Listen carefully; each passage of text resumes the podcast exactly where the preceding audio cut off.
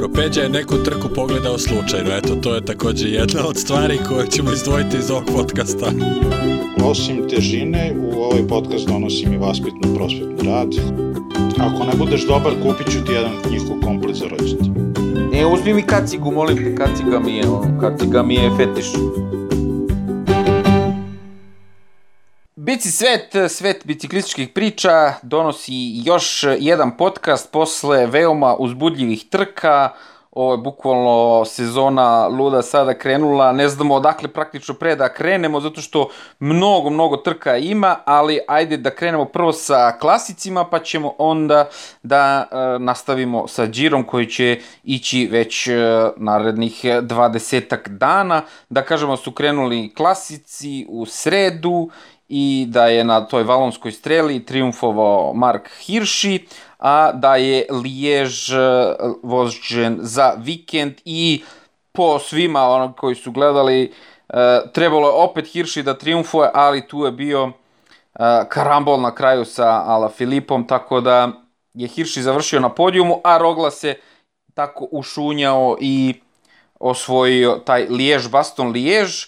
E, voženje i Bing Bang Tour, neka trka e, Beneluxa ili ti trka Holandije i Luksemburga, tu je triumfovao uh, Matthew Van Der Poel i ne samo što je tu triumfovao, već je narednog dana odmah vozio Lijež, Barston Lijež i tu bio i, i u rezultatima što je ono svaka čast, dečko šest je tu bio ono kao odakle ti snaga, ono, praktično sad da nije vozio, došao bi solo, rekao bih ovde, ali šta je tu je. E, klasici i Giro paralelno, eto i to smo dočekali, to nikad nije bilo, u oktobru se vozi, Julian Alaphilippe u dresu svetskog prvaka, e, vozi klasike i ove sezone i naredne sezone, što će biti, rekao bih, presedan e, zbog svih ovih dešavanja. Ali nadam se da ste gledali, Giro je krenuo uh, hronometrom, Triumfovao je Gana, svetski prvak, to se i očekivalo. E, na drugoj etapi Diego Ulisi, znači ne znam, ne pamtim kad je Giro krenuo sa dva italijanska pobednika, ali hajde prvo da sumiramo klasike, pa ćemo onda da uh, se vratimo na Giro koji će, kažem, trajati dalje. I uh, reč dajemo odmah sada Predragu koji će nam sumirati i ove ženske trke uh, što se klasika tiče, jer su dame paralelno to vozile sa muškarcima. E, dobar dan svima. E, od kako pratim biciklizam, ne sećam se da je bio dinamičniji, burniji vikend nego što je ovaj. E, I ono što je krasilo ovaj vikend, to je osim velikog broja muških trka i etapa džira, i gde svaka, ali doslovno svaka bila vrlo dinamična, bile su i dve velik, dva velika klasika za dame, bila je Valonska strela i bio je Lijež Baston Lijež. Valonsku strelu je osvojila Ana van der Bregen jednom izuzetnom, izuzetnim finišem na, na posljednjem brdu i ona je, on godinama pričamo i kod nekih vozača se pokaže, kod nekih ne to prokletstvo majce svetskog prvaka, ona je maltene par dana, samo pošto je na svetskom prvenstvu osvojila majcu, osvojila jedan od najvećih klasika. Malo sam pričao sa, sa Jekom Erić koja je nastupala u toj trci i rekla je da je probala na početku trke da, da ode u beg, ali joj nisu dale o, ostale takmičarke, tako da je na kraju se trka završila sa njih 4-5 u, u begu, gde se sve raspalo na poslednjem usponu i Ana van der Bregen je osvojila potpuno zasluženo ovaj naziv. A, u drugoj ženskoj trci koja je vožena danas Lijež, Baston Lijež, a, imali smo prilike da vidimo je, fantastičan napad Lizi Dejnan, Dejnan sa nekih 35 km od, od, cilj, od, od cilja. Bila je izuzetno jaka grupa žena na, na, ovaj, u Begu, bilo je njih 7-8, gde ja zaista nisam uhvatio taj trenutak gde je Lizi uspela da se iskrade. Bila je tu i Marijana Vos, bila je tu i Van Dijk, koje su imena sama po sebi. Lizi uspela da se iskrade i vozila je sama sve do nekih 15 km do cilja gde je, gde je početak uspona na poslednje brdo I uz posljednje brdo do pola brda je išla sa to nekom ovaj, stalnom razlikom od skoro minut prema ostalima, međutim tada se je skočila Grace Brown iz Mitchelton Scotta i za neverovatno, za možda 500-600 metara samo tog uspona, ona je spustila na 30 sekundi razliku, a onda na, na spustu smo gledali kako bukvalno daje sve od sebe i kako ta razlika pada sekund po sekund po sekund, ali uh, negde već na, na kilometar i po dva do cilja smo svi znali, pa verovatno i Brown da ne može da stigne, nema dovoljno duge staze za to. Uh, treba pomenuti da Lizzie Deglan, koja je inače član Treksega Freda, je imala odličnu, odličnu asistentkinju u Van Dijk, koja je po onom receptu quick stepa, znači moj čovek je napred, ja ću da kvarim poteru za njim, fantastično odradila posao, čak i uspela da se drži dovoljno snage, da je na kraju osprintala ostatak grupe, tako da je Trek uzao prvo i treće mesto, Lizi potpuno zaslužena prva, a verovatno ove, mlada Brown može da bude potpuno zadovoljna uspehom na, ove, na ovoj trci. Ne znam, si rekao, Jeka Erić je završila 28. na ovoj valonskoj streli, a 32. Lijež Baston Lijež. Uh, ja sam čačkao ove rezultate dok si ti pričao, pa eto, čisto da, da, da dopunimo, pošto kažem, ovo ne može praktično ni da se pobroji šta je sve tu od, od rezultata uh, od rezultata bilo, ono, ko je sve tu uh, uh, vozio gde šta, mislim da ja ne znam koji je haos sad po timovima, kako su oni to sve isplanirali, ali ajde. Uh, Valonska strela koja je vožena u sredu, svelo se sve na zadnje brdo Murde Hui, koje je i prethodnih godina odlučivalo trku, ništa tu sad nije bilo spektakularno, iako su menjali stazu i rutu, mislim, meni je tu Hirši, dečko, ono, šampion, šampion nad šampionima, ono, novi Ala Filip, rekao bih, za ovu godinu. A, I najveći utisak bio onaj mali Mauri Van Sevenant koji je bežao, bežao i pao i, i kako je uleteo onu travu, on je koprio i nije ni pustio volan, ono kao dečko čoveč, no, kako si uspeo da, da upadneš glavom, da je bila stena, on bi gađao glavom u stenu, ne bi pustio volan, ono kao šta se tu desilo posle one slike ko, kad smo gledali kao je ovo, je ovo realno. E, mi smo tu nešto komentarisali, sećamo se svi njegovog tatu, pa njegovog tate koji je bio tamo pre desetak, 15 godina, e, poslednji na Tour de France-u, kak radio za Robbie McEwena u Loto timu, to je, rekao bih, e, poznatija priča za ove koji duže, duže prate biciklizam. E, nešto za valonsku strelu još da istaknemo Za valonsku strelu treba, e, možemo da istaknemo da se e, e, tu možemo da povežemo ne samo valonsku strelu, nego i Bing Bang Tour i praktično sve ove trke koje vidimo, da na nekim vozačima se uh, vidi, ali čak i na celim timovima se već vide neki tragovi umora ovaj, e, koliko se jako ide i koliko je malo vremena za odmor. Sam si pomenuo da je Matthew Van Der Poel praktično odmah posle Bing Bang tura koji je osvojio posled, u poslednjoj etapi jednim neverovatnim sprintom uzbrdo treba, ako, ako ikako možete pogledati, taj, to je apsolutno vredi videti. Uh, Maltene sa, sa biciklom je otišao da vozi Lijež, Baston Lijež, ne znam da je stigao što se presvuče i e, kako se trka odvijala na kraju on vukao ceo, e, celu poteru posljednjih možda 20 km i što si i pomenuo svoje šesto mesto. Međutim, druga stvar koja se možda mogla videti na Valonskoj streli to je da su i Domulani Pogačar bukvalno pukli na Murdehuju. Znači, e, ne, mesto gde se očekivalo da najviše udara i da najbolje voze, jednostavno njih bilo, jednostavno su, bukvalno se izduvali.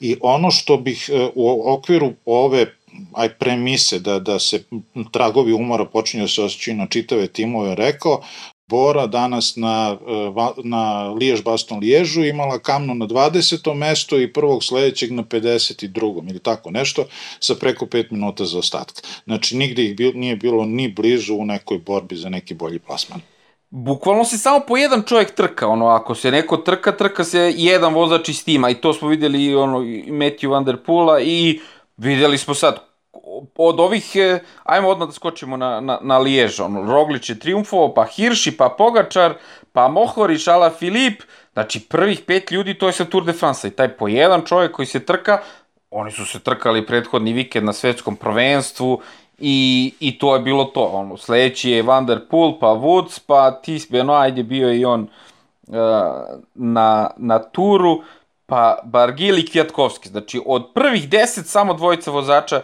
koji nisu vozili Tour de France. Što će reći da je ono kao, daj da, daj da promenimo kalendar, ono, da stavimo u avgust posle, posle jula meseca da budu prave trke jer znamo ko će da ide. Ono, možemo lepo da se kladimo. Ono, ovi na turu dobiju brzinu više, ono, bukvalno. Ali ono što je definitivno obeležilo ovaj, ovaj Lijež je bio onaj cilj. Ono, sad, uh, gledamo onaj sad vesti i ono, ne može da, na, da stane u naslov sve šta se desilo ono, u poslednjih 20 sekundi. Ono, ovaj diskvalifikovan, ovaj ga na liniji prošao, ono, ne zna šta je ne zna šta je uzbudljivije, ali ko nije gledao, nek pogleda brzo. Uh, sve, rekao bih, bilo... Svi smo se složili da je ono bilo kvarno što se tiče Julijana Alfilipe, jer još se videlo da gleda, sa strane se videlo da gleda i onda kad je oborio biciklu i za malo nisu popadali Hirši i Pogačar koji bi definitivno bolji bili plasirani od njega, a Roglić je bio poslednji, ono nije ga kamera ni, ni hvatila ovaj, iz, iz uh, helikoptera i na kraju je sprint do linije. Mislim, meni je stvarno utisak ove sezone Roglič, stvarno, kako čovjek se posle onakvog poraza psihički vrati kao da ništa nije bilo. Možda, možda sad ni on nije svestan šta se desilo, mnogo toga se dešava. Ono, meni je tu to najveći utisak, bukvalno jedne nedelje svetsko prvenstvo za malo, pa ga tu ovi čereče, belgijanci tamo ovamo, mislim, bez razloga, onda sad iz nemoguće pozicije, ono, poslednja pozicija za sprint i pobeđuje čovjek i to na liniji, ono izbacuje biciklu i real i, i na kraju je i ukrao to, to, tu pobedu Ala Filipu pošteno i bez tog bez tog deplasmana Julijana Filipa koji se realno previše, previše opustio. Ono, kao ja sam svetski šampion i kao e, osprintao sam vas i sad ću ja da slavim 20 metara. Mislim, stvarno ne znam šta mu je prolazilo kroz glavu. Meni je izuzetno, izuzetno to što ste pričao sad drago za, za Rogliča i negde je sad onako to kosmička ravnoteža. Svi su uzeli po jedno, jedan je uzeo žutu majicu, ovaj je uzeo svetsko, Roglič je uzeo nešto. To će mnogo da znači, pretpostavljam u njegovom timu. Videli smo koliko je danas bio nasmejan Tom Dumoulin. Roglić je, ne može da, da, da vrati žutu majicu, ali vratio se u svoju ekipu, ponovo može da ih pogleda u oči, ponovo može da vozi sa njima, ponovo znaju oni da on tu pobeđuje. Ja mislim, prosto ne možemo ni da, ni da zamerimo Julianu Filipu što je počeo da slavi prosto čovjek, kako on može da sanja da se Roglić vraća, da Roglić to u sprintu dobija. Međutim, videli smo par navrata da Roglić može da skoči, videli smo na Tour de France i pre toga, tako da zaista mi izuzetno, izuzetno drago, ponovo je sve u ravnoteži. Bilo bi mi drago da je dobio Ala Filip da odmah otrese to prokledstvo svetskog prvaka, da toj svojoj prvoj trci odmah to skine, to tako liči na njega, to odnosno bi ličilo na njega, jer on je nekako, složili smo se, fantastično će da nosi tu majicu, evo rekao si Đorđe, dve sezone će da nosi na klasicima, toliko mu pristaje, ja mislim on sad spava sa tima u krevetu, mora da mu izrade pidžamu sa, sa sa ovim ja sad sve od kako je, pros, kako je u prošloj epizodi udaren, ve, udaren veto na majicu duginih boja, sad svaki put ovako ko neko da me ono, da mi udari šamar, da me probudi u pola noći, sad ja moram da kažem majica pet kontinenta, stvarno jako i to lepo zvuči ta, ta krilatica jer je to majica celog sveta. Ovaj, Dakle, mislim da on sad u tim duginim bojama koje sad tu nedostaju, ne nedostaju, i e, tu, tu spava i bilo bi lepo i onda je dobio, ali sa Rogličem je stvarno ipak uh, sjajan osjećaj. Drugo mesto Marka Hiršija, ajde pričat ćemo šta bi bilo kad bi bilo da nije, da nije skočio Ala Filip. evo videli smo da Tiš Benoa je okačio kako je on najjači, odnosno najstariji vozač u svojoj postavi.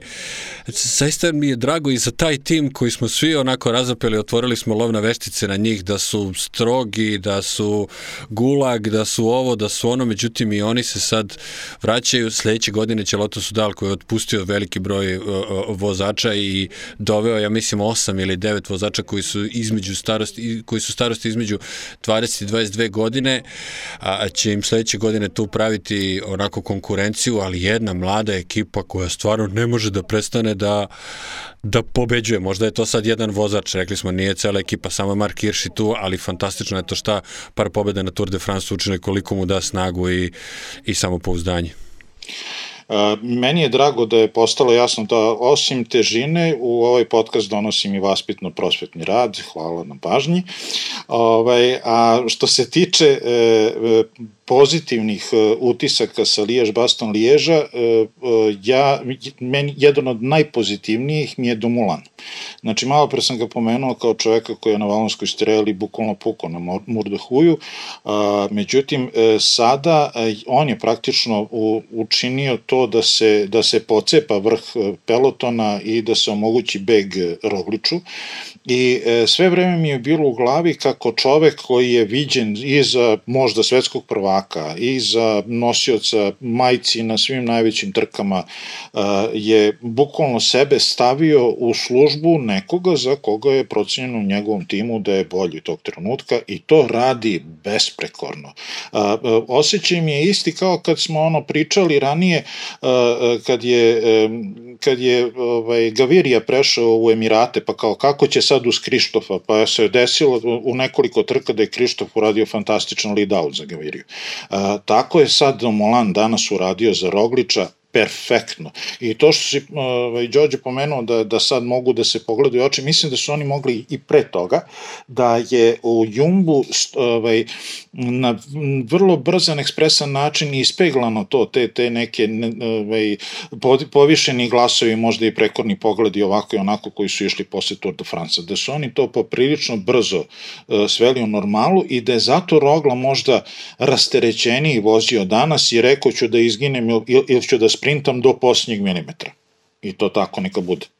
Ne, nisam mislio uopšte da sad je tu bilo nekih nesuglasica između njih, da je neko nešto njemu ne e, zamerio, nego on sam sa sobom posle tog poraza kako, kako se nosi dalje. Mislim da praktično, da će ono, on je rekao posle, ono, po, posle one pobede na turu, plakao sam dosta, e, posle one pobede, čuj pobede, posle onog izgubljenog tura, rekao je plakao sam dosta i verovatno ću plakati još Znači, što je potpuno iskreno bilo s njegove strane, ono, iako njemu zameraju ovi uh, novinari uh, strani da on kao je, nije da tam tako malo hladan ali u, stvari, u izjavama, ali u stvari nije on hladan u izjavama jer jednostavno on ne može dobro na engleskom da se izrazi u tim svim svojim uh, emotivnim skokovima, padovima, šta sam, sam to mislio da se on super pokupio posle toga i evo, kao, nema ni vremena, idu trke dalje.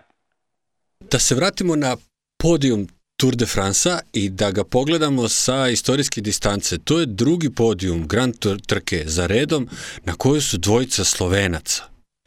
Znači, Slovenija je bila, da, da kažemo, u SFRJ Jugoslaviji jedna od jačih zemalja kada je reč o biciklizmu, ali jedna mala zemlja koja dan danas ima veliki broj uposlenika, do pre nekoliko godina imala najveći broj a, zaposlenih ljudi u biciklizmu po glavi stanovnika. Ali sada, eto, nešto što mi doživljavamo naš region, što je de facto naš komšiluk, možda su otplovili malo dalje, ali naš komšiluk, već evo godinu dana imaju a, po dvojicu ljudi na podijumu Grand Toura. On je tamo izašao sa detetom, jeste možda juče uprskao, odnosno dan pre toga uprskao najveću stvar u svojoj karijeri, ali on ima jedan Grand Tour, izašao je sa detetom, bilo mu je drago, verovatno zbog njegovog zemljaka, bilo je tu detence koje će imati tako lepe slike, lepo su se proveli, idemo dalje, jeste uprskao poprilično šta da se radi i on bi volao da nije tako, tako da eto sa nekog istorijskog stanovišta stvarno je to sasvim sve u redu, pogotovo kad kažemo eto da su dvojica Slovenaca i da njima sad, on, ok, ne bi trebalo da se zadovoljava drugim mestom, ali to je za njih sve tamo velika stvar. Moram da te ispravim, Pavle, nije on uprskao, nego Pogačar bio mnogo bolji. pa dobro, da. A, ja, ja bih na, na, na tu celu priču o Rogli e, pomenuo samo još jednu stvar. E, verovatno ste imali prilike kroz život da vidite kako loše prolaze E, neka deca koji izgledaju starije od svojih godina i ozbiljnije od svojih godina od kojih se očekuje mnogo više i od kojih se, se uvek se nešto kao ide neko razočarenje pa zašto nisi uradio to i to, a niko ne kapira da je neko u stvari mnogo mlađi nego što njegov izgled pokazuje. E, Rogla ima drugi problem. Rogla ima problem što, mislim problem, i olakšavajući okolnost. okolnost. On jeste relativno skoro u biciklizmu, ali on čovjek 30, ima 30 godina ima iza sebe i karijeru u jednom vrlo stresnom poslu koji je ono, matene, mission impossible, sve vreme si na nekoj ivici e, da, da, da pogineš, ne pogineš. Znači on na, na te neke pritiske je vero, verovatno mnogo bolje i mnogo lakše reaguje. Ok, divno je to što je priznao da je plako na kraju kraja plakanjem, izbacimo iz sebe i bes i boli 300 čuda i to je sasvim u redu. Ali e, e, danas komentari, bar na mojoj line na Twitteru su bili takvi da je bukvalno se svi radovali da je on dobio, ja sam e, trku pratio preko britanskog e, Eurosporta i e, jedan od komentatora je rekao da je very, very, very, very, very, very, very, jedno deset veri, mu je drago da je Roglič na kraju osvojio trku i brištali su od neverice dok se još nije znalo da Ala Filip će biti deplasiran, kako je Ala Filip napravio takvu grešku i prerano počeo se radu i onda ga Rogla prođe. To je bio Daniel Lloyd, on je bio timski kolega Sastreu kad je Sastre došao do pobede na Tour de France, znači jedan od bivših, e, bivših profesionalaca. Ono. Mislim, to pokazuje, što hoćemo to da kažem, da pokazuje da je čitam svetu drago što je Roglić tu sada gde jeste i što je pobedio Ala Filipa u poslednjim santimetrima samo zato što je uh, Ala Filip sam napravio tu, napravio tu glupost. Ali meni je isto jedna interesantna stvar uh, što se Ala Filipa tiče uh, to što on mnogo energije rasipa u toku trke. To se videlo i, i na svetskom prvenstvu, ali mu se nije obilo o glavu. Ali mislim da mu se danas obilo o glavu, jer nije bio koncentrisan u završnici. Za malo je bilo da padne pre one krivine, pre nego što je krenuo sprint a dobro, imao je neki pad, šta je ono bilo? Okretao se pozadi, a uopšte nije pazio ispred njega Hirši da ide, možda mogo je tu da se slome obojice. I, I tu je videlo se da nema koncentracije a, a gubio je snagu, te hoću da kažem, vozio se na začelju i na svetskom prvenstvu, znači treba ti snage da prođeš kroz grupu, a onda ovde ajde danas imao pad, pa menja biciklu, pa onda ajde šta je, opet ne rade, nije mu lepo pločica na sprinterici, pa i menja e, sprintericu, pa stiži grupu jedan put, drugi put, treći put, znači rasipa snage, on jeste ovako hiperaktivan inače, ali to njegovo rasipanje snage ga je možda danas koštalo to što nije imao dovoljno koncentracije i snage za završnicu, pa je napravio glup potez da, da, da je onako useko sa strane ovu dvojicu, nije samo to, ja mislim da je on povukao uh, uh, kako je uradio na svetskom, kako radi stalno. Uh, na svetskom je Hirši imao prilike da vidi šta znači kad, kad na uzbrodici Ala Filip ubaci u turbomod. I danas mu nije dozvolio Znači, Ala Filip jeste krenuo kako je naviko da kreće i bio je poprilično zatečen kad je vidio da se Hirši ne da i da ga stiže i da ga je na kraju stigao. A, ali ne to, i Rogla i Pogačar su ga stigli. Žao mi je Kvjetkovsko koji je na kraju otpao, sam je rekao kao da je možda malo trebao jače da pritisne da se zadrži u grupi, ali eto, za mene u, u, u samom finišu trke bilo iznenađenje pojava Mohorića koji je maltene nije odakle se pojavio čovek i došao i, i, i povuko prvi taj, taj sprint, svaka čast. Meni je jako žao, a to u tom trenutku je zaličalo na Amstel od prošle godine kad je Matthew Van Der Poel onako uzeo fantastično i naravno gromne udara u isto mesto dva puta, niti je on Matthew Van Der Poel, ali mi je nekako bilo žao u trenutku što nije znao da se zaustavi kad je stigao kod njih, nego je samo nekako produžio i za još 150 metara se ugasio. Pa to je pravilo nekako, to je, drži ga adrenalin, drži ga ubrzanje i sam je svestan da ne može sa La Filipom u sprint. Jedino da ga uhvati na krivoj nozi i da, da se ovaj počne da se pita odakle sad ti tu šta sa s tom da radi. I zato je krenuo dalje i desilo se šta se desilo. Pa, nažalost. To je bukvalno uh, pokušaj blefa, to je tako kaže, da, da, da izblefira ostale, jer onda on napadne i onda ako se ovi gledaju, aj ti ga juri, aj ti ga juri, to nekad i uspe, ali Danas nije. A meni je to ličilo na onaj Sanremo kad je isto Saganu Mohorić isto iz, kad je povukao Mohorić, a Sagan gledao na drugu stranu i onda zakasnio za sprint. Tako isto upropastio Saganu e, Mohorić, e, taj Sanremo, ne mogu sjeti koja godina bila. Ali isto, bukvalno, ja kad se ga vidio, rekao, pa zar ne opet, ono, misli, prvo, prvo svaka ti čast čoveč, mislim, on je definitivno onda bio najjači kad se preselio, a onda kao, a zar ćeš opet? Sprint breaker. E, a još jedna stvar vezana za Ala Filipa i njegovo trošenje energije, ne baš ista stvar kao, kao danas, ali me podsjetilo na par stvari. On je recimo ove godine i prošle imao jedno prvo i jedno drugo mesto na, na Sanremu. U oba ta izdanja su mu se dešavale dve stvari pred Čipresu, a to je recimo 20 ili koliko 30 km do cilja kad neke stvari ne treba da se dešavaju. Jedan put išao na pipi pauzu i jedan put uh, mu je pukla guma, ove godine mu je pukla guma.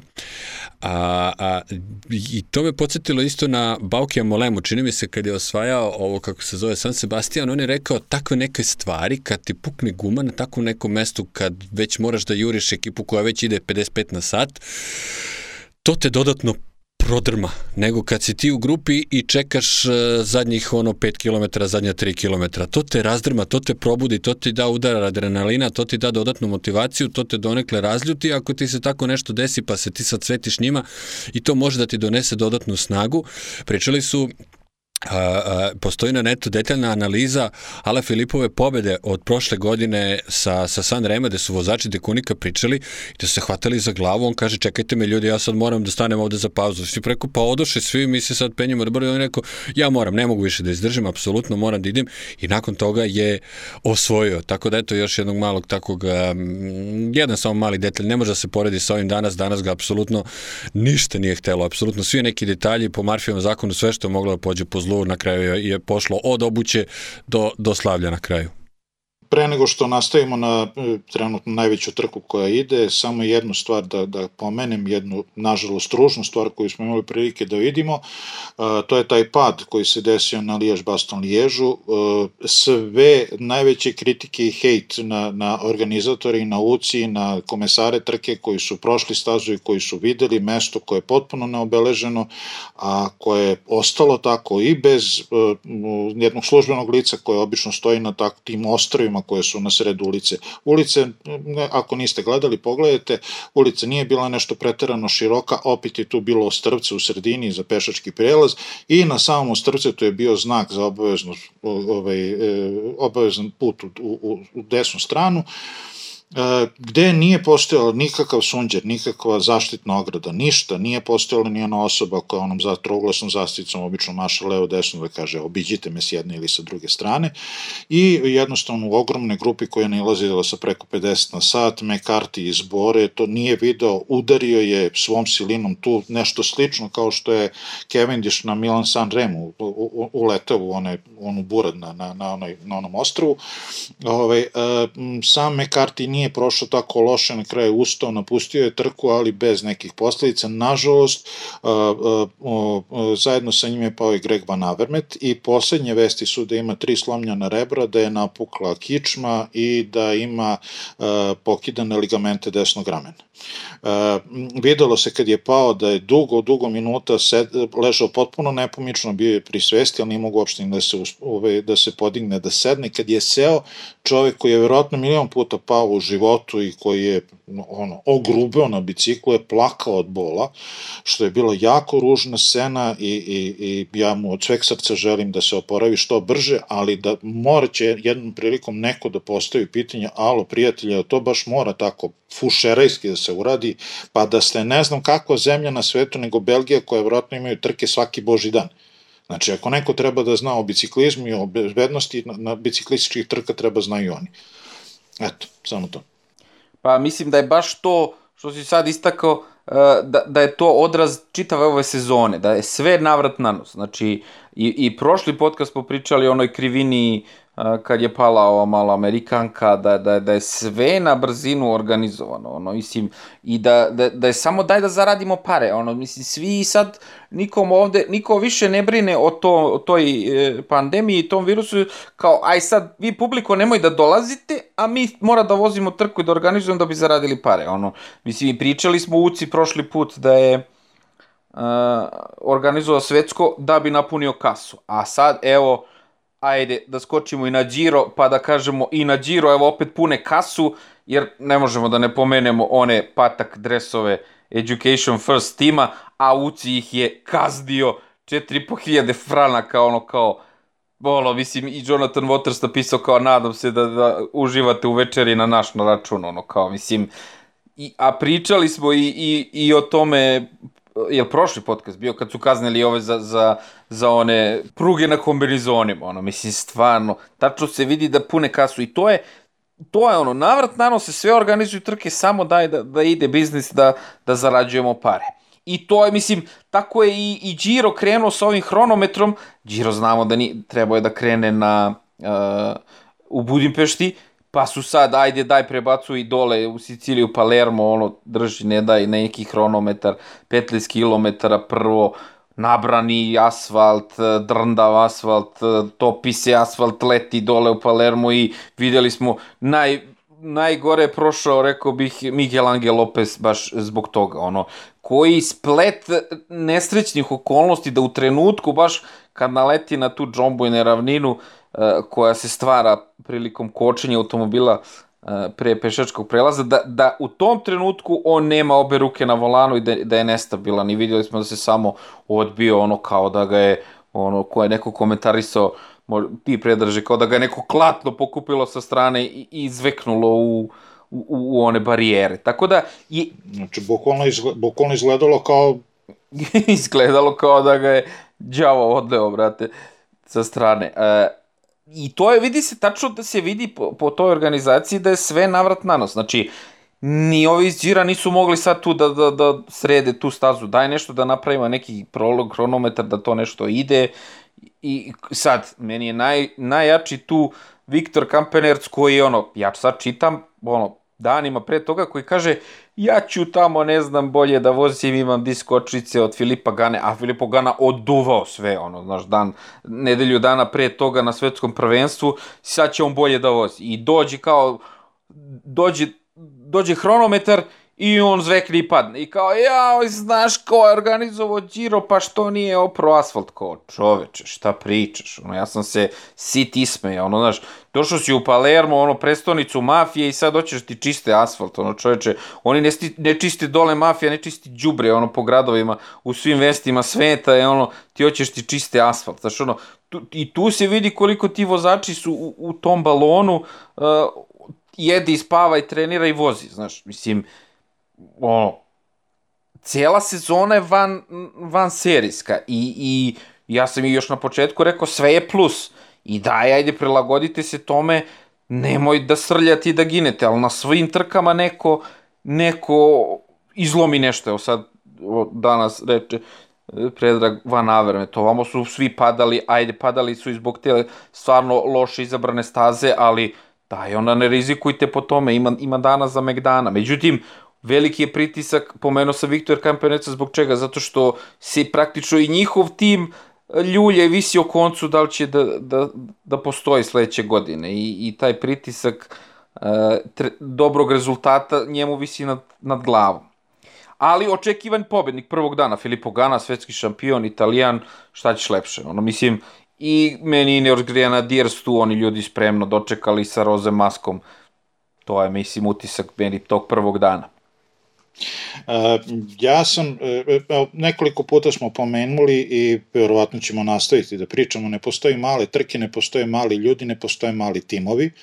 I uh, ovo ovaj hronometar kojim je otvoren Giro je pokazao da vrlo često trka počne mnogo pre nego što se uopšte uh, krene sa, sa startne linije ili sa, sa rampe na hronometru i uh, kada je, kada je prvi put se pojavila ideja o tome da će možda Sagan da napadne prvi prolazni cilj jer, je, jer je vozio brda jako i hoće da taj prvi prolazni cilj koji donosi plavu majcu na, na džiru, što je pandan tačkastoj majci na, na Tour de France-u, Uh, rekao super, ali da će, ako je Pavla na pamet njemu, da će pasti na pamet još nekome. I e, Pavle je lepo iskopao neke informacije koje će vam sad reći kako su stvari spremala jedna druga ekipa za ovo. Pa u pitanju je uh, Israel Startup Nation čitao sam post Aleksa Dauseta, nekadašnjeg svetskog rekordera u vožnji na sat vremena i proverenog jeli hronometraša, ko, on sad, veoma lep njegov post, on kaže oni su se a, na večeri pred početak džira sastali i tu je Rick Zabel koji je, treba reći, sprinter, odnosno sad već lead out, a, rekao da želi da osvoji tu tačkastu, odnosno tu jeli plavu majicu, majicu za najboljeg brdaša. Oni su se svi naravno nasmijali njemu u lice, pa kako to šta levo desno i onda on objasnio da tu posle jednog kilometra i 100 metara zapravo ima prolazni brdski cilj. I da, Tu, tu, tu je par filtera kad je reč o ljudima koji će to uopšte napadati, jer on je rekao većina vozača ili timova uopšte nisu to ozbiljno shvatili. Nisu to uopšte ni primetili. Od onih koji su to primetili, pitanje je koliko, će ljudi uopšte da ide na to. I eto, bila je tajna, odnosno nije bila tajna, bilo je poznato da će Peter Sagan da ide na to. I onda su oni tako za večerom to zdumali, a, a, kako je rekao Alex Dowsett, napravili smo nekoliko educated guesses, odnosno kad pogađaš sa određenim predznanjem i to mi je onako jako divno, drago mi što su uspeli u tome. Oni su tu, eto, svi na licu mesta, svako je izneo svoje iskustva, kasnije je rekao Rick Zabel da je tu poneviše to kolo vodio Dowsett kao hronometraš, ali da su eto zaključili da bi to trebalo da bude na drumskom biciklizmu, koji je, na, na drumskom biciklu, pardon, koji je pre svega lakši nego, nego hronometarska bicikla, ali su se odlučili za hronotočkove, za onaj disk točak pozadi i za šesticu su napred. Pa potom takođe rekao Rick Zabel da ga je njegov trener posebno zagrevao pred sam hronometar kao za individualni pursuit, kako se to zove već potera, pošto doveo trenera pistaša, pošto se tu radi o otprilike vožnji od minut i po izuzetnog, izuzetno, izuzetno velikog napora. On je rekao nakon toga, ja kad sam seo, kad sam promenio bicikl i seo na hronometarski, ja više nisam znao, jedva sam doterao do kraja, ali mu je bilo drago što je tu ostvario a, taj dobar rezultat. I meni je drago, mislim, to svakako znači ekipi to pojavljivanje na podijumu, jedan dan je nosio tu majicu, bio je svestan da ne može da je odbrani već narednog dana i to sigurno u tom nekom smislu ne znači previše, ali čitavoj ekipi je to veoma slatko što su to tako uspeli, a, ne na mišiće, ne na novac, ni na šta, nego eto na mozak su uspeli nekako da, da, da, da to osmisle kako to da urade i taj vozač je na kraju to uspešno realizovao. To mi je baš jedna veoma, veoma draga priča nakon etape koje je hronometar, koje znamo svi istini za volju, nekako ne gledamo se prevelikim uzbuđenjem ili barem ako nešto odlučuje, onda čekamo, gledamo poslednjih pola sata sat. Odličan, odličan uvod, Pavle, e, po pitanju te opreme, zato što je oprema bila veoma važna, jer e, i vre, oprema i vremenska prognoza, jer je krenuo da duva jako vetar taj uh, kasnije i svi su praktično ispaštali, imali su problema da, da, da savladaju taj hronometarski bicikl koji je imao se diskove i napred i, i, i pozadi. A ono što je i Predrag rekao, trka je počela pre nego što se i Konada, ono, ovo je klasičnija staza džira, ono, ona kako smo navikli, hronometar, otvaranje, pa onda e, malo nešto za sprintere, do duše, ajde i nije, ide se na etnu, ali ima tu dana za sprintere, pa onda opet hronometar, pa brda, pa hronometar i to je to. Međutim, sad kad pogledamo ovaj prvi hronometar, to je bilo ono, bum, bukvalno pesnica u facu mnogima, ono, hronometar, pa još nizbrdo, ono, kao, ka, i tu se vidi koliko je ko jak. I uh, koliko je ko jak, vidi se da je Geran Thomas izuzetno jak i da sad praktično od sad pa nadalje oni ne moraju ništa više da rade, jer Geran Thomas je Nibaliju dao minut i sedam, onda Krauzvejku je dao minut i 22, Fuxlangu minut 25, uh, Rafalu Majki minut 38, koji je u odličnoj formi, pominjamo Rafala Majku, koji je ono vidno razočaran bio kad je prošao liniju cilja jer je hteo da startuje pre, ali su ga ovi iz tima, ne, ne, ne, ti ćeš nama da voziš poslednji, treba nam, znaš, i ono kao samo ga zavrnuli ga za minut i 30 koji kad ćeš da vratiš minut i 30 ti protiv uh, Geranta Thomas i Ineos Grenadiers tima. I ovaj hronometar je pokazao definitivno koliko je ko jak. Mislim, pazi, nismo rekli, to je 15 km. Znači, na 15 km on izgubi minut i po čoveče od, od, Geranta Tomasa. Mislim, kada vratiš? Gde? Po kojim planinama ćeš ti da ideš minut i po brže od Tomasa? Ono što bi ranije e, stari e, radio komentatori futbolskih utakmica rekli za ovaj potez Rika Zabela i Israel Startup Nation i, i realizaciju te, te pobede na tom prvom prolaznom cilju, bravurozna minijatura. I baš jeste tako, znači tih minuti 38 su pokazali ostatku pelotona, prijatelji ovako se ovaj, planira i ovako se uradi, jeste on to ono izvukao na dlaku, za sekund je bio bolji od Sagana, ali je bio bolji i ceo dan danas nosio tu plovu majicu i svaka čast kapa dole. Što se tiče tih vremenskih uslova koji su u velikoj meri odlučili e, šta, se, šta, šta smo gledali, kako smo gledali na, na, ovaj, e, na hronometru, na tom prvom danu džira, e, ja sa, sa zemljom gledam, na, čekam ostatak džira, sve vreme se vozi uz more i ovo je sezona jakih vetrova. Što znači, očekujem da će bolje i dobre i, i, i pristane rezultate praviti teži vozači, znači tu mislim na Sagana, mislim na Demara, na sve ove koji, polu Sprincere, polu ovaj, na Metjuza, E, sve ovo što je laganije, svi ovi brdaši će imati velike muke u svakoj, u svakoj etapi koja se bude vukla po ravnici na 50 na sat, to će biti ešalona i cepanja. E, meni samo, eto, ja ne poznajem dovoljno sam biciklizam u tom tehničkom smislu, e, svi su znali da duva jak vetar. Već posle prvih deset vozača se znalo da će biti velikih problema i bilo je baš i ono teških zanošenja. Kada je Sagan jedva se izvukao u jednom trenutku, onda šta očekivati od nekog mnogo lakšeg. E, ko, šta je to što stavi, e, što na vagi pretegne da se ipak vozi hronometraški bicikl? Koji ima onaj pos, popunjen poslednji točak koji jeste doprinosi kada je lepo vre, vetar na pravom mestu i iz pravog smera ili kad ga nema. Ali šta ako on tebe bukvalno ti kao jedro udarate sve vreme? Ja nisam siguran da li je Kampirnet spao zbog, zbog lošeg asfalta ili je pao zbog vetra. Meni se čini, jako mi je slično bilo kao što je Geran Thomas spao pre par godina, mišljen na, na Lijež Baston Liježu ili tako nešto je pored nekog kanala, bukvalno ga vetar, odnao mu je bicikl ispod njega. E, tako da ovaj, e, zaista ne znam, ali eto, ogromne, ja ne znam stvari da je Iko vozio uh, bicikl koji nije bio hronometraški, svi su odlučili za ovo i svi su patili i svi su dobijali nenormalne zaostatke. Na 15 km ljudi su imali po 4-5 minuta zaostatka, alo. Gana jeste odličan hronometraš, ali Gana je jak, stabilan. Gana je, ajde koliko je domaći, nije domaći. E, problem sa jakim vetrovima živim u Banatu i svi koji živimo u Banatu to znamo. Znači, kada, si, kada jak vetar dune kroz grad, između zgrada se prave tak, takvi vrtlozi, te ti u izdeliće sekunde, u delić sekunde ne znaš koje strane će te sledeći put udariti vetar. Znači, kao da si okružen sa njih deset koji te tuku u velikim rukavicama bokserskim. Znači, uh, uh, bukvalno je to loto bio, mogo je, Gedan Thomas je mogao da padne, mogo je da dobije neki isto ogroman zaostatak. On je pričao da je gledajući ostale se pitao da li možda da, da vrati običan točak, pa je rekao ajde, nema veze zbog tog jednog dela, to ću možda da idem slabije, pa ću na, na, na drugim delovima gde možda manje duva da, da tu profitiram. A znate ko nije vozio hronometarski bicikl, barem na startu? Pa Rick Zabel.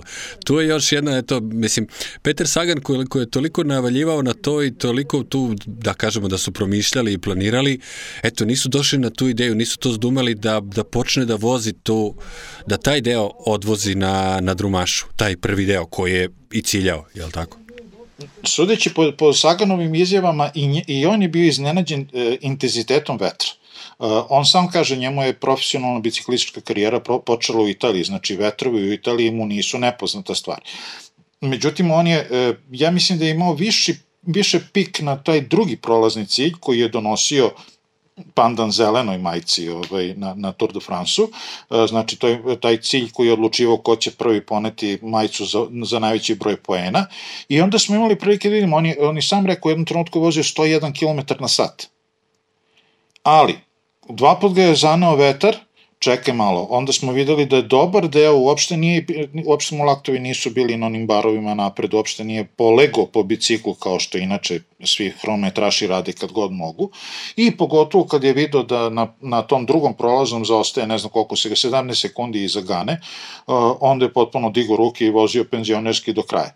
Uh, ostali vozači, eto taj što je pomenuo Đorđe što smo svi imali prilike da vidimo, uh, Lopez, koji, znači, ova dva dana su za stanu grčka tragedija na Mediteranu na italijanskom ostrovu. Znači, u dva dana su ostali bez Vlasova i bez Lopeza. Ja ne znam u, ovoj, u ovom sastavu pelotona ko ima bolja dva pomoćnika za prvog čoveka tima obojica ne znaš ko je bolji i na, na, u brdima i na brežuljkostom terenu, pa i na, na, u ravnici Vlasov mogu da pomogne i haj haj. Danas je Vlasov napustio trku zbog stomačnih problema. Tako da ja stvarno ne znam, mi sve vreme gledamo Fuglsanga kao oće li ga proći taj maler da jednom i on kao Richie Port završi kako treba trku, ali ispada on, ako će on i da završi trku, s kim će da završi? Ostaje mu Dario Cataldo i ne znam komu još ostao od, eto, tako malo jačih vozača. Pojavio se dobar fazon od strane ljudi koji su bili svedoci hronometra na Planche de Belfiju, koji su, a, znači, na početku te etape je Miguel Angel Lopez imao mesto na podijumu i ajde da kažemo da on nije katastrofalan hronometraš, međutim, eto, nije jedini koji je podbacio tog dana i ljudi su gledali Vinokurova koji se pušio, koji je tu besneo, kojem nikako ništa nije bilo pravo je gledao kako ovog stižu jedan po jedan. Njega su na kraju pretekli, čini mi se, i Roglić i, i, i Pogačar. I onda tu sad se pojavio fazon kao sad otprilike do, do, dolazi Miguel Angel u autobus, tu sad skida, tušira se ako se tu tušira i sve i pali telefon, ono šta ima od novosti, pa učlanjeni ste u Whatsapp grupu vozača koji idu na, na Giro. Znači, poslo ga je Vino Kurov pravo u gulag. Mislim, realno, uh, ne znam kakav je njemu bio plan, ali mi je to pomalo neobično. Nema uopšte mnogo ljudi koji, kojima se uh, ukrštaju i Tour i Giro, znači ima Martin, ajde ima Degent koji bi vozio i ovaj, da je samo dva dana kasnije Vuelta vozio bi i nju i, i, i, i sve, tako da ne znam kako čovek koji se borio za podijum na, na, na Tour de France i pretpostavljam propisno potrošio, koliko realno može da pruži na, na džiru. Znam da svi sad šalju, vidimo kakva je ekipa Visme, kakve su realno te druge postave koje, po, koje, koje šalju ljudi na Giro nisu baš najjače na svetu i treba nešto skrpiti. Ne znam šta bi oni, ne znam šta bi inače radili sa, sa Lopezom tamo jedan od naj, najboljih i nama najdržih sajtova koji prate statistike i rezultate Pro Cycling Stats je izašao sa zanimljivim podatkom da je na Giro došlo 12% vozača koji su bili na Tour de France. 7%, pardon. Ukupno 12 vozača vozi e, Giro, a da su već vozili Tour de France. Ono što se desilo Lopezu, to je jednom u milion puta i to je takav maler, tako, ne znam nija kako to da nazovem o, prvo je bila vest da je samo imao posekotinu na zadnjoj strani butine, što znači da ono što mi nismo videli da se on u vazduhu okrenuo i bukvalno leđima i zadnjom stranom nogu uleteo u, u, u, u, u, u ove barikade, znači to je ono što je izašlo van kadra, e, i da je tako se iseko da je e, posekotina došla blizu ilijačne arterije, koja je, kao i sve arterije u našem organizmu, vrlo ozbiljna, za ne daj Bože da se desi da, da se poseče, da, da pukne. E, tako da je u, u prvom trenutku bila varijanta samo da mu zakrpe mišići, da ga puste kući, međutim posle je ipak išao na operativni zahvat da se obezbedi ilijačna arterija i za naredne napore koji ga očekuju kad, kad dođe vreme za rehabilitaciju, tako da sama povreda je bila više nego ozbiljna. A meni je isto tu interesantno to što će ovo možda biti poslednji put da ga vidimo u Astanijevom dresu. Ono šteta da se ovako baš oprosti od tog dresa, treba da ide u, u neku drugu ekipu. Vidjet ćemo, još, još nije najavljeno gde. E, što se tiče tog prvog dana, da kažem da je nešto je bilo što je ovo išao 100 na sat saga, nego što je i ovog mučenog Luku Kovilije uhvatila rampa, ono, znači na 15 km, mislim da je on dečko pao, ali brate, znaš, ono kao, daj, progledajte mu kroz prste, ono, sudije, ako već tamo derete te neke kazne, da, daj, pustite ga da vozi, jer opet se razbio, pa, pa je gađao, pa, pa se isekao, pa nije mogo da vozi, ali ova je, znaš, ono, mislim, tu, tu mi nisu jasne te sudije.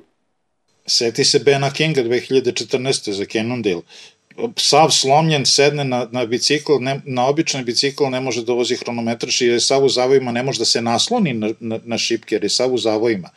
I vozi i za jednu sekundu ga uhvati rampa, gde je on kleo se da nije tačno, da, da, da sigurno je prošlo na vreme i na kraju su ga izbacili iz trke. Mislim, e, e, realno, danas je bilo ogroman broj komentara, pogotovo na, na, na e, o vest o po, ovaj, povredi Grega Van Avermeta, i da su da, da je potpuno na bezbeđeno mesto bilo i da je da je krivo bili su komentari bitno je da su do, da su ovaj čarape bile adekvatne visine mislim stvarno amante ljudi e, Ja bih se zadržao sad, otvorio jednu temu koja je ajde vezana za prvu etapu i uopšte za generalni plasman. Uh, Pa lično, ne znam kako da li to delite moje mišljenje da je ovaj a, hronometar onako nam već doneo pobednika a, čitavog džira.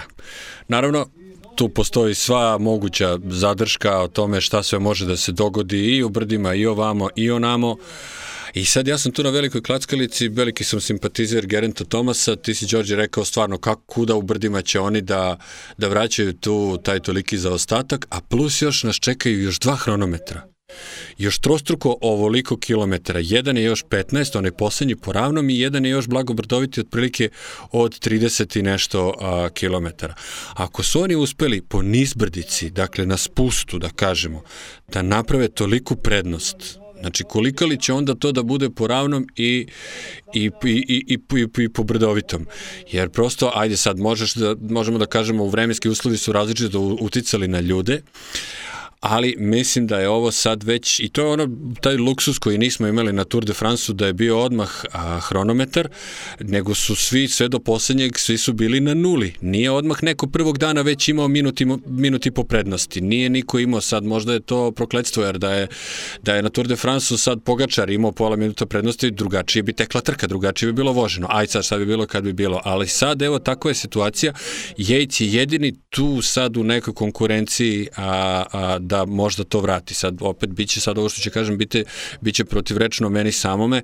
Keren Thomas je rekao da u poslednja dva kilometra nije baš imao najbolje noge, da je možda malo preterao i tu je čak izjavio da bi možda bilo bolje da je ponovo zagubio Garmin. To je nešto što u, u, u prethodnom podcastu nekako preleteli smo preko te pobede Gane, popularnog Grenadira, kako ga sad zovu u, u, u ekipi po ovom Grenadiru. A, Geren Thomas na svetskom je negde zagubio svoj Garmin, svoj kompjuter kompjuter i vozio je potpuno a, bez, bez ovoga. I možda je zato, setit ćemo se koliko je imao dob, dobar prolaz on.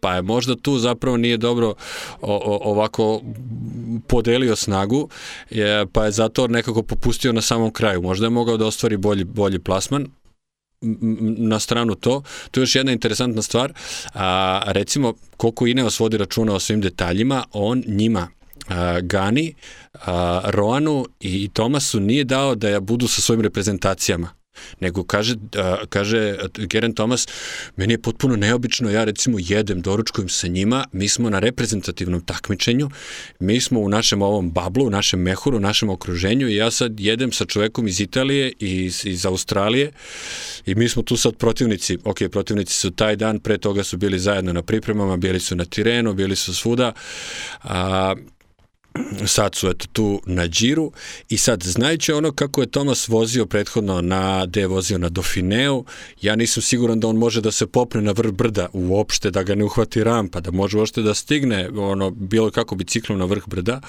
ali i pored toga nekako sam siguran da će ti hronometri da odrede pobednika džira ove godine.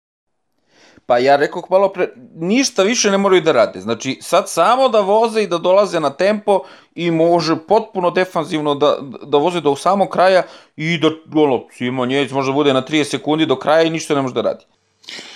Ja ću da se, da, da iznesem suprotno mišljenje od, od, od Đorđevog. E, kao što sam malo pre rekao, a e, stojim iza toga i za sve naredne dane. To što se sada desilo svim e, pretendentima za generalni plasman, već sutra može da se desi Gerantu Tomasu. To smo rekli, to smo rekli. Mislim, Ne, koliko god imaš jak tim oko sebe, to je na kraju krajeva, videli smo i kod Rogle, ne samo na tom hronometru, na Tour de France, e, možda imaš jak tim oko sebe, ti moraš da vrtiš svoje pedale. I da li će te udariti vetar, da li ćeš naleteti na kamičak, da li će nešto da se desi, to je zavisi onda samo od tebe i tvog bicikla. E, ono što sam primetio i što je starina, je tako da kažem, za razliku od, od, od, od Tour de France-a, pratio se crni voz. Znači, danas ja u trenutku pomislim kao, vidi šta će ovaj čovjek iz Education Firsta uguran među Ineose, međutim Gana u roze da. majice. Ali sam zaboravio onaj, pa pazi, moj, moj, moj ovaj, e, minimalni osjećaj za estetiku odbio da prizna da neko oblači onako dresove kao Education First. Ali u svakom slučaju ništa nije rešeno uh, i uh, sigurno da nikakva ziheraška vožnja neće doneti onaj veliki pehar na kraju ovog džira. Ja sam isto u jednom trenutku onako a, pratim i, i tražim Gija po, po onim njegovim naočarima i sozvano sam zašto on sad nije u vozu sa njima, gde, kako je pustio čoveka, zašto ga ne pretekne, šta se dešava, ono čovek u, u roze. Pa dobro, ćemo da se dotaknemo dresova. Uh, nemoj, molim te. Nemoj, molim te, nemoj. Ja, tamo sam, pa uspeo sam da, da, da, da potisnem duboko to i da ne razmišljam o tom onaj atak na oči, čoveče ja sam već naručio. Nemoj da pričaš. Pa da, Šalim već sam ti nešto, svašta sam ti rekao pre početka podcasta, pa evo, da nastavimo u tom te. E, još, još par, par, e, samo e, par kurioziteta, kad smo već, za, ovaj, da završimo onda sa hronometrom. E, video sam sliku gde su pokazivali Uh, bicikl uh, koji je Gana spremao za, za hronometar, 60 zuba napred je bilo. Da dođe Toni Martin pa da kaže stvarno ga preteraste, ono. a, Doni, a Toni Martin ne vera. Da. Ne, meni je za dresove iz fazona sam, ajde da vidimo kako se to vidi iz helikoptera. U redu je to malo krupniji pikseli ovako, ti sad tu kad gledaš jedan na jedan, ali da vidimo kako to možda izgleda iz helikoptera, ali definitivno... Ja mislim da odlično izgledaju kada je helikopter jedno 10 do 15 km dalje od pelotona, onda odande izgledaju... ja mislim da je ovo potpuno promišljen potez i, i nameran i svestan zato što je prvi Jonathan Waters kad je krenulo ono frka oko, jer su oni prvi odustali od Pariznice ili šta je ono bilo Tireno još u, u martu mesecu i onda sledeći, sledeće njegovo obraćanje je bilo dajte ljudi sad svi da se saberemo, da vidimo kako ćemo da stvorimo vrednost svojim sponzorima. jer mnogo je uticalo to na sve. Videli smo da, evo, odmah se bukvalno nije ni, ne znam koliko meseci prošlo, ma nije ni mesec dana prošlo, CCC se već raspao. A Education First je, ja mislim, vlasnik čitavog tima. Znači, oni promišljeno rade na tome da se stvori vrednost svom sponzoru. A, to jest, oni sad nisu sponzor, nego već i, i vlasnici. I onda, uh, jedan od načina je to, udariti na ciljnu grupu time, dizajnom i priči o tome. Znači, to je, njihova ciljna grupa je tamo negde u Americi, to su ti neki e, ljudi, de, deca e, i tineđeri koji vole taj dizajn. I to je to. Znači, e, jednostavno, smislili su kako da naprave svo, vrednost svom sponzoru, a da to ne mora da zavisi od rezultata tima, da sad ne zavisi od toga hoće li biti na podijumu ili ne. Meni je to na to liči, a ono, mislim, taj patak i to, mislim, svaka im čast kad su oni uh, stisli petlju da to tako naprave. Ako ne budeš dobar, kupit ću ti jedan njihov komplet za rođendan. Ne, uzmi mi kacigu, molim te, kaciga mi je, ono, kaciga mi je fetiš. Ne, ne, ne, moraš sve, zajedno sa, donj, zajedno sa donjim vešom oslikanim na pravi način moraš da nosiš sve. Eto. Mislim da si ti u pravu, ovaj, moram da se složim, ovaj, da se ne složim ovaj, sa, sa, sa Peđom, zato što kod nas najmanji zajednički sadržalac ima 40 godina, ja ne znam koja je dotična firma, tako da ipak ako oni gađaju to neko tržište dece i sve, neko je napisao na Twitteru kao pa možda im ovo nije, pot, nije, nije loš potez jer moja sestričina odvaljuje kako je super dres i kako je strava i kako je to, tako da izgleda da je to sasvim ok. Preživet ćemo taj dres, doći će nova godina, doći će 2021. pa bit će, vratit će se opet roze koji je meni sasvim bio u redu. Pa meni Ane Roze isto bio prst u oko, ali ajde, dobro, nema veze.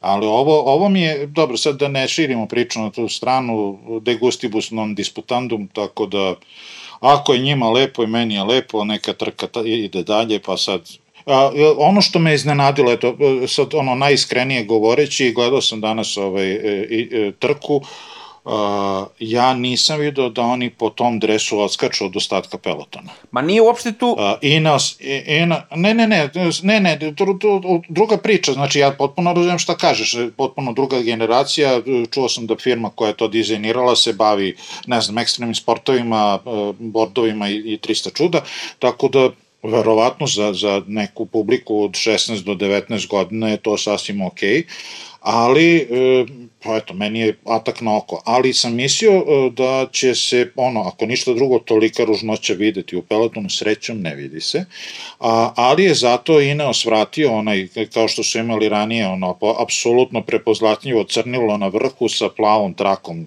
ovaj, po sredini, sad imaju, dobro, nije crno, nego nešto tanko, ljubi, tamno ljubičasto, bordo, nešto cigla mešano, šta je već, sa onom crvenkastom bojom i vide se uočljivi su, to sponzori traže. Hoću da se vidim.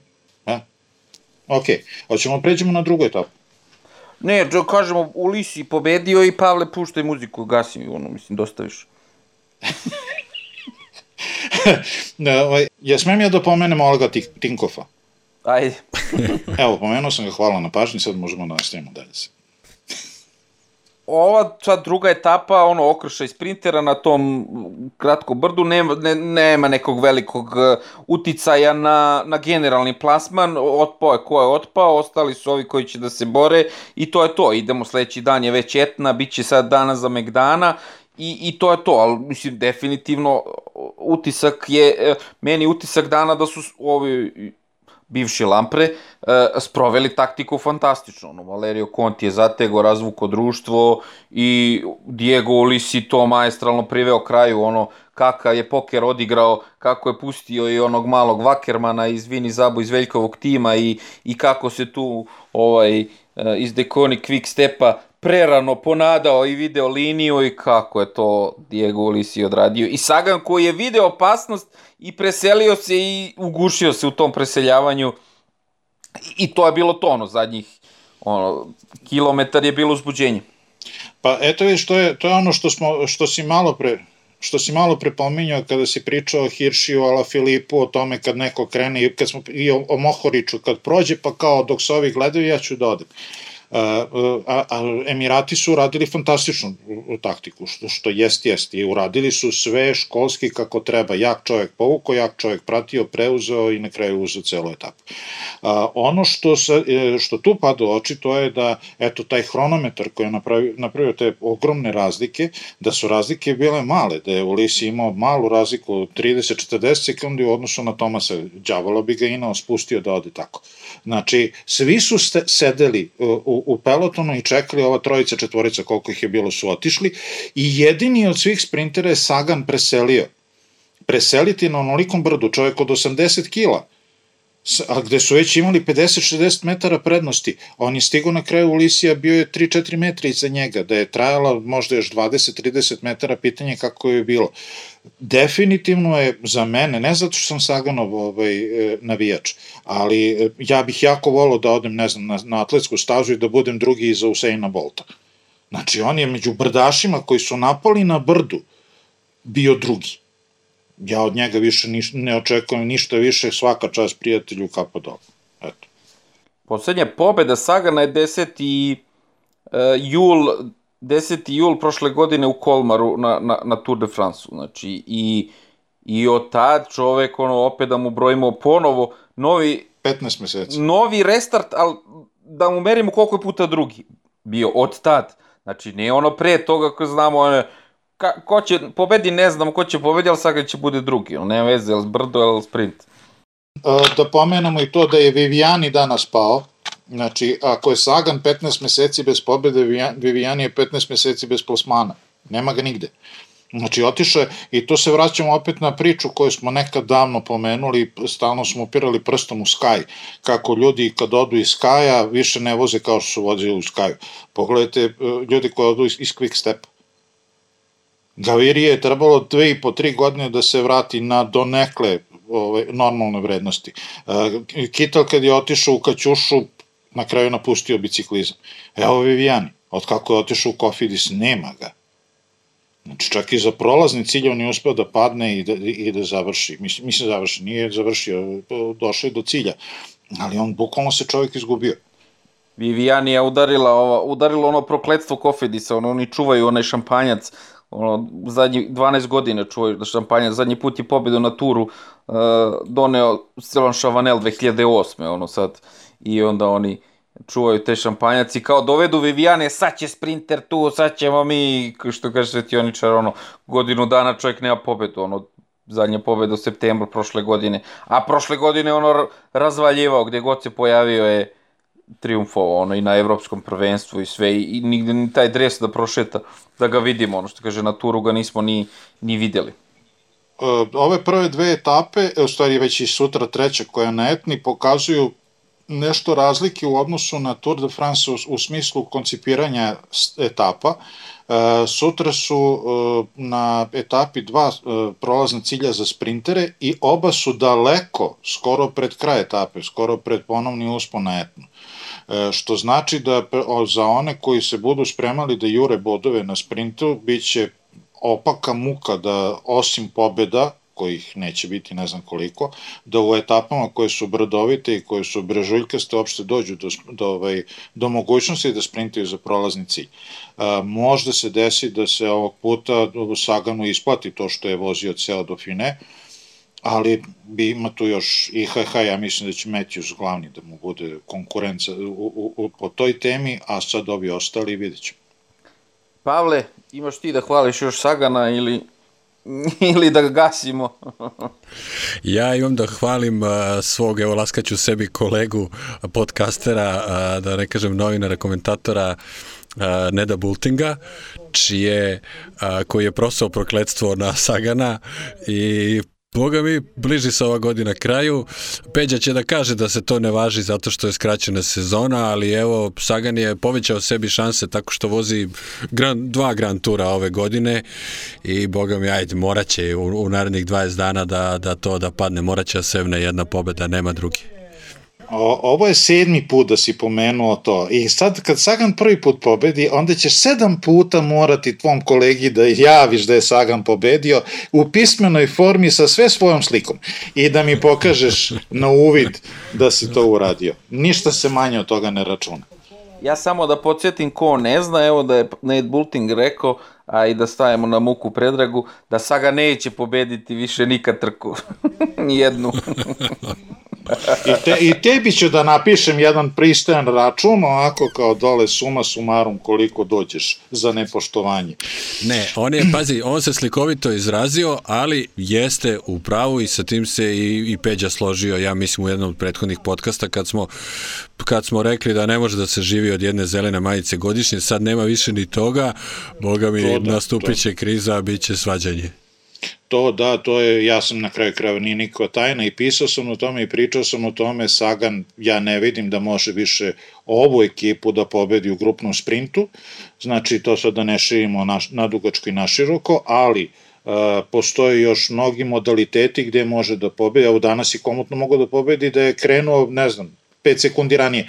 Ali, dobro, desilo se kako se desilo i... Slušaj, mogao je da pobedi samo da se zvao i prezivao drugačije, tako da, eto, ja bih tu stavio tačku. Ti si mi obećao utorak da dolaziš da sređujemo drva, tako da vodi računa šta pričaš, da može mi se omakne sekirče, pa ćemo da vidimo. Znaš šta, ne znam kad je to, ali baš tad moram nešto drugo da radim. da, da, da, tetki donosiš lek. Neka odnećemo zajedno i tebi kad kupimo lek i zavoj i gips, onda ćemo i tetki da odnesemo.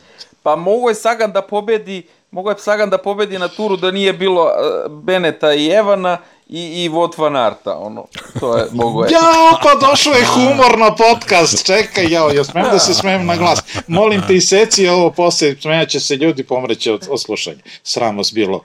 E, ali ne možeš, čekaj, a što, što si mene napao, ja sam rekao će povedi pet etapa na Giro. Mislim, ja, ja, ja navijam za njega. Koje godine? Ne, ne, ne, ne, ne, to, ne, od ran, da znam za tebe. Znači, ne, ne, Đorđe je rekao, Đorđe je rekao nekoliko puta, sad da ne iznosim privatne razgovore i sve to, ali fakat da je, da Đorđe ima veliko očekivanje od Sagana Čekaj, na ozbiljna stvar, ozbiljna stvar, Eto, ozbiljna stvar, da pardon, da kažem. ozbiljna stvar, alert. Ozbiljno se, ajde, dobro, kaži.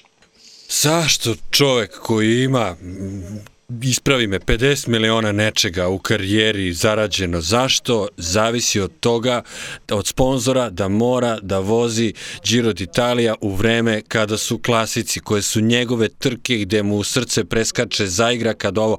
Zašto nije mogao da kaže, dobro ljudi, dogovorili smo se, ali ajde, vanredni su uslovi 2020. Vidimo se mi na proleće za šest meseci, ja bi sad umeđu vremenu da vozim klasike.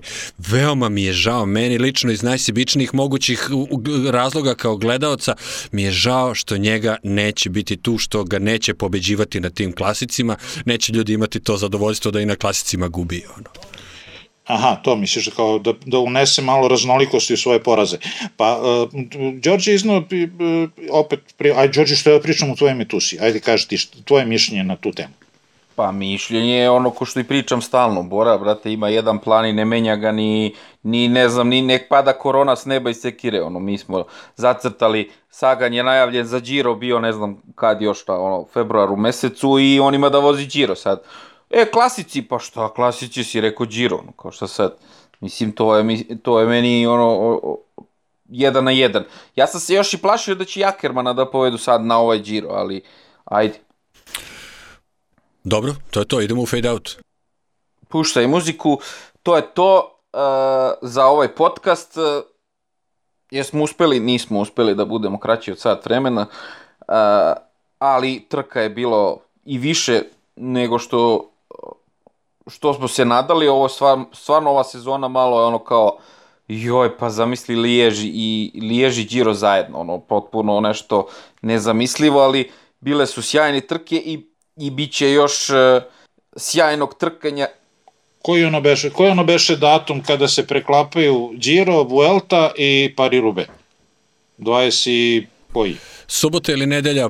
20 ili tako. Subota ili nedelja, poslednji ili pretposlednji dan Gira? Nedelja, 21. 21. Da.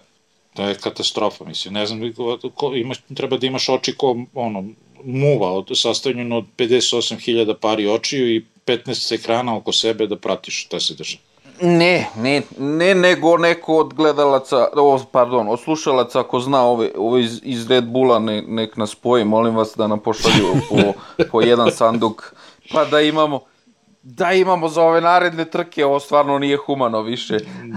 Ko će e, pa, to zamisli kad, je, zamisli da, kad da... je nama naporno koji gledamo, zamisli kako je njima koji voze. Je. Da, koji bukvalno ne preslače se, bukvalno sa biciklom pređu na susednu stazu i teraju drugi klasik ili odu na višednevnu trku. Ne, prolazi neprimetno, ide fantastična trka oko Portugala. Ko stiže to da gleda? Ja sam odgledao slučajno kraljevsku etapu njihovu pre dva dana i to je trka od 9 dana. Znači, do sada je bila švajcarska najduža, sad 9 dana. Ali šta da se radi? Eto. Dobro, Peđa je neku trku pogledao slučajno, eto, to je takođe jedna od stvari koje ćemo izdvojiti iz ovog podcasta. Ajde, znamo te, nemoj da pričaš. E, čao ljudi, vidimo se u četvrtak. Budite pozdravljeni, čao. To je to, lajkujte nas, recite drugarima da slušaju i subscribeite se na naše kanale i pratite nas i na audio platformama.